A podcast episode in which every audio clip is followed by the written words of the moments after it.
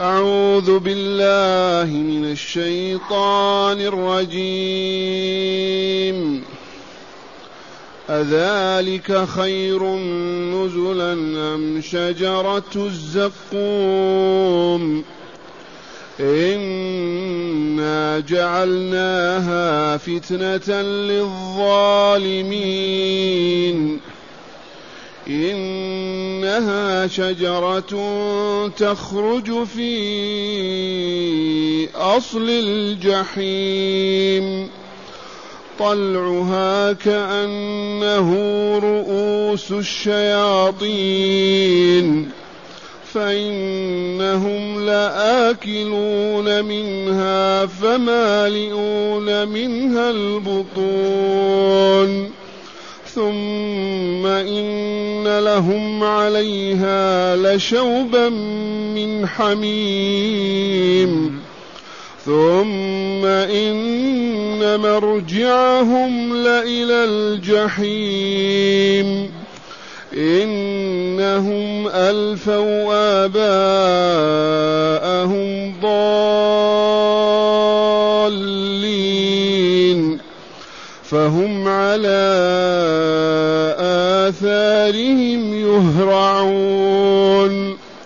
ولقد ضل قبلهم أكثر الأولين. ولقد أرسلنا فيهم منذرين. فانظر كيف كان عاقبة المنذرين. إلا عباد الله المخلصين. أحسنت. معاشر المستمعين والمستمعات من المؤمنين والمؤمنات هيا بنا نقضي هذه الدقائق في الملكوت الأعلى. مع الله عز وجل وملائكته وعبيده مؤمنهم وكافرهم. من أين لنا هذا الخبر؟ كيف وصلنا؟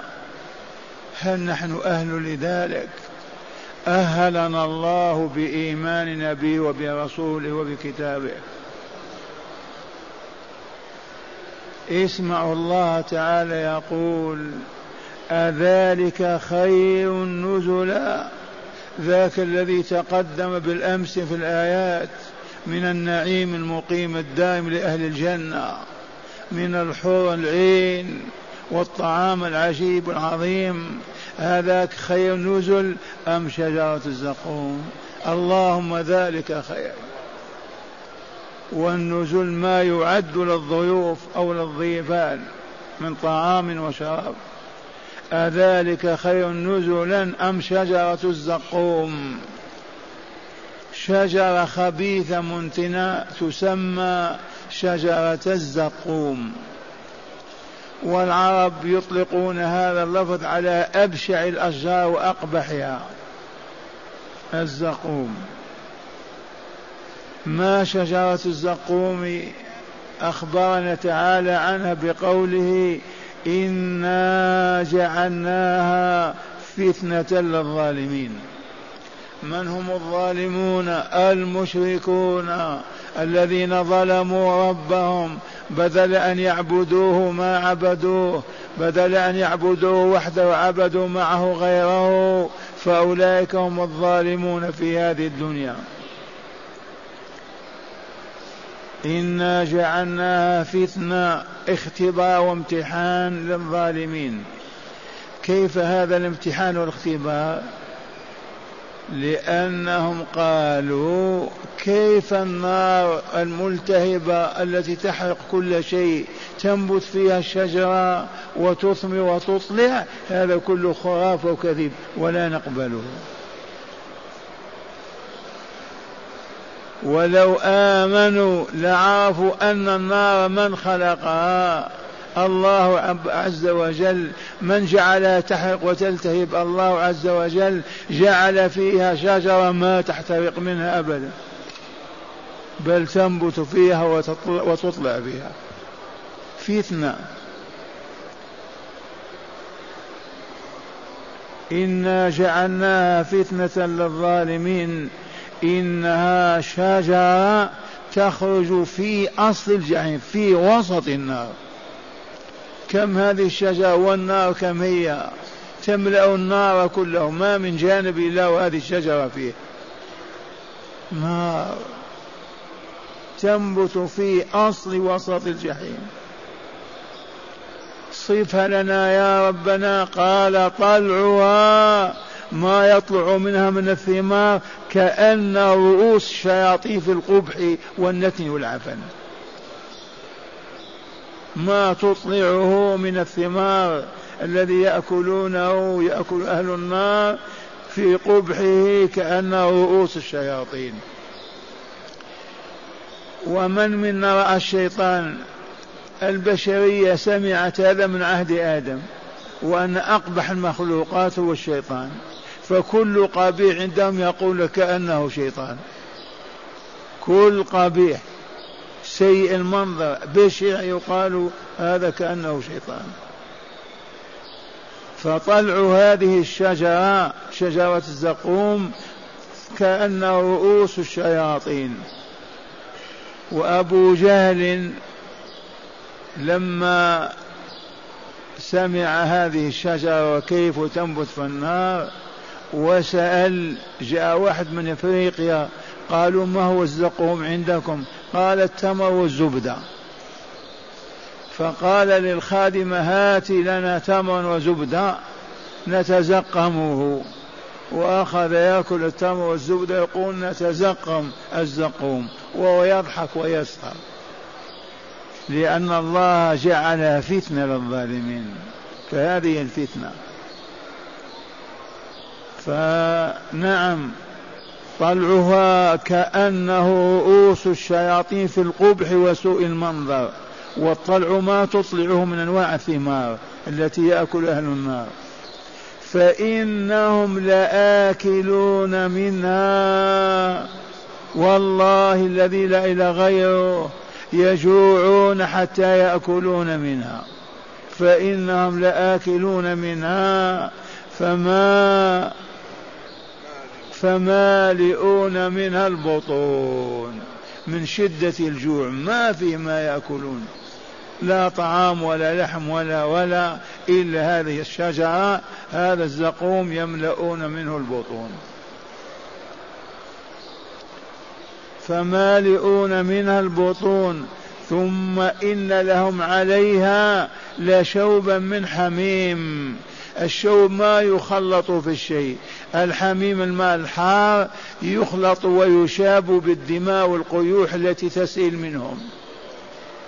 الدماء والقيوح والدموع وما يسيل من أجسادهم والعرض يخلط به الماء ويشربونه.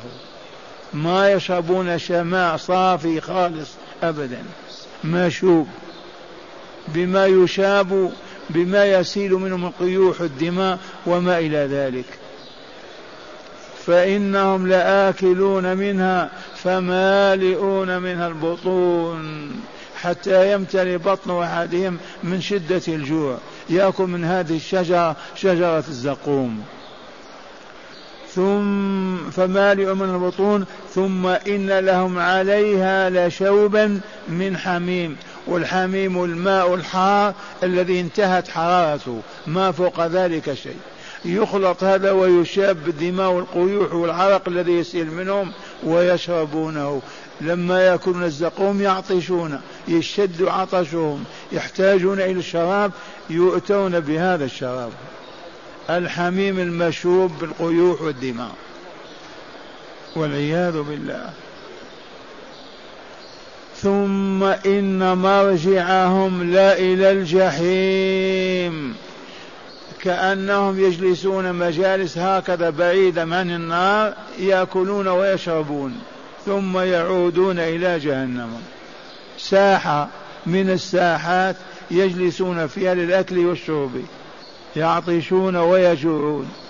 فإذا أكلوا وشربوا مردهم إلى أين؟ إلى أصل الجحيم.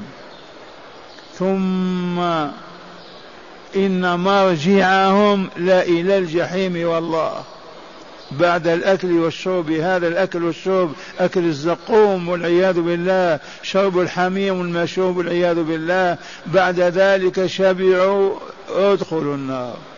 يترددون بين هذا وهذا بلايين السنين. ثم إن مرجعهم لإلى الجحيم. ثم قال تعالى عنهم في الدنيا. إنهم ألفوا آباءهم ضالين.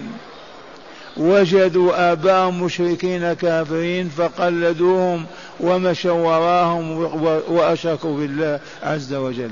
وهذا شأن أهل مكة ومن حولهم في العرب. ما وجدوا آباءهم مشركين؟ إنهم ألفوا آباءهم ضالين فهم على آثارهم يهرعون. يجرون كما كان آباؤهم على الشرك والباطل. ومع هذا جاءهم رسول الله وأنزل الله كتابه ما زالوا مصرين ولكن هداهم الله إلا من لم يرد الله هدايته كأبي جهل وفلان وفلان.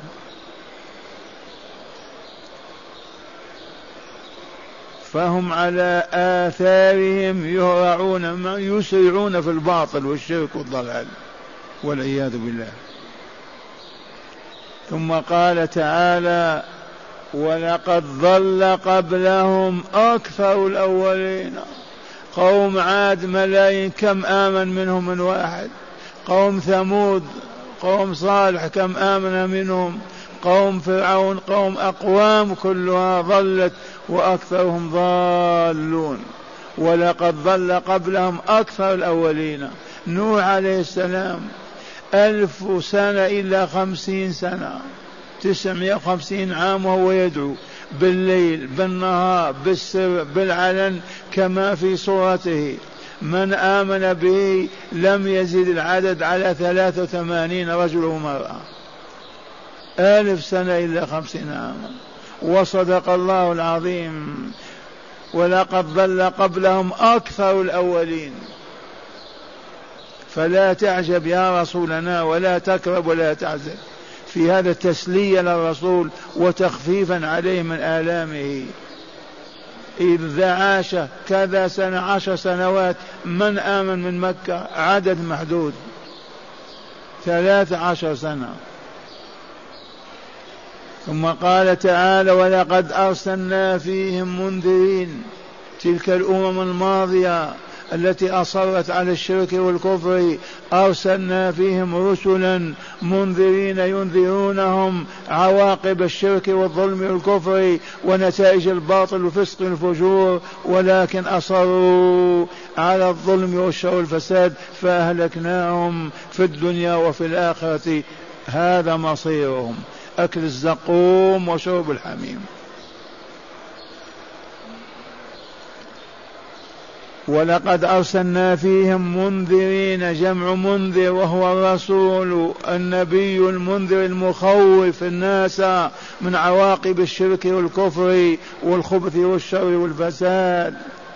ثم قال تعالى لرسوله صلى الله عليه وسلم فانظر يا رسولنا كيف كان عامر خراب أين أين عاد أين ثمود أين شعيب أين فرعون أين أمم مضت وإلا لا؟ كيف كانت عاقبتهم الدمار الهلاك والفناء. فلا تكرب يا رسولنا ولا تحزن واصبر وتحمل على دعوتك. ثم قال تعالى إلا عباد الله المخلصين. هؤلاء لما أنذروا خافوا فآمنوا فعبدوا الله فوحدوه فاستقاموا على دينه وشرعه. هؤلاء الذين استخلصهم الله له. المخلصين هؤلاء ما هلكوا مع الهالكين ولا دخلوا النار مع الداخلين.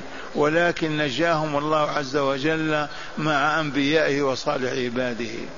إلا عباد الله المخلصين. من استخلصهم الله له ليعبدوه وحده. اللهم اجعلنا منهم. نسمعكم شرح الآيات من الكتاب.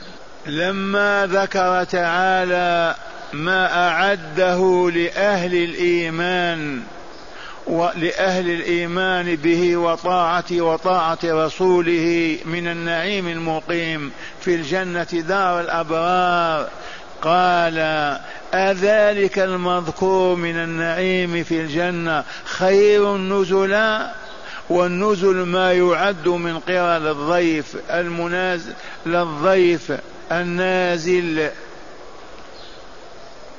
وغير وغيره وغير للضيف النازل وغيره. أم شجرة الزقوم؟ أيهما خير؟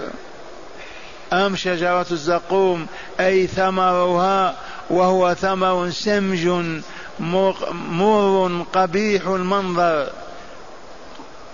ثمرها ثمر سمج مر, مر قبيح المنظر. ثم أخبر تعالى أنه جعلها فتنة للظالمين من كفار قريش إذ قالوا لما سمعوا بها كيف تنبت الشجرة في النار؟ والنار تحرق الشجر. فكذبوا بها فكان ذلك فتنة لهم. ثم وصفها تعالى بقوله إنها شجرة تخرج في أصل الجحيم أي في قعرها وتمتد فروعها في دركات النار السبعة وقوله تعالى طلعها أي ما يطلع من ثمرها في قبح منظره كأنه رؤوس الشياطين. لأن العرب تضرب المثل بالشيطان في القبح. كما كما أن هناك حيات يسمونها بالشيطان قبيحة المنظر. وقوله تعالى فإنها أي فإنها أي الظلم فإنها فإنها ظلمة المشركين. قوله تعالى فإنهم من هم؟ أي الظالم المشركين أي الظلم المشركين لآكلون منها أي من شجر الزقوم. لشدة جوعهم. فمالئون منها البطون أي بطونهم. ثم إن لهم عليها لشوبا من حميم. وذلك أنهم لما يأكلون يعطشون فيسقون من حميم. فذلك الشوب من الحميم إذا شرب. إذ الشرب الخل إذ الشرب الخلط إذ الشوب المشوب الشوب الخلط والماء والمزج كما قدمنا بالعراق بالدماء والقيوح. يقال شاب الذي شاب شاب اللبن بالماء أي خلطه. شاب اللبن بالماء خلطه. وقوله تعالى ثم إن مرجعهم لإلى الجحيم. أي مردوهم إلى الجحيم بعدما يأكلون ويشربون في مجالس خاصة بالأكل والشرب يردون إلى نار الجحيم.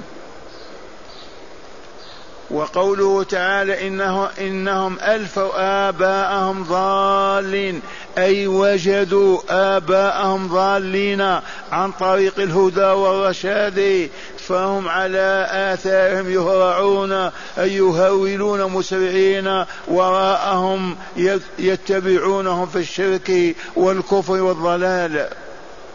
وقوله تعالى ولقد ضل قبلهم أكثر الأولين أي فليس هؤلاء أول من ضل.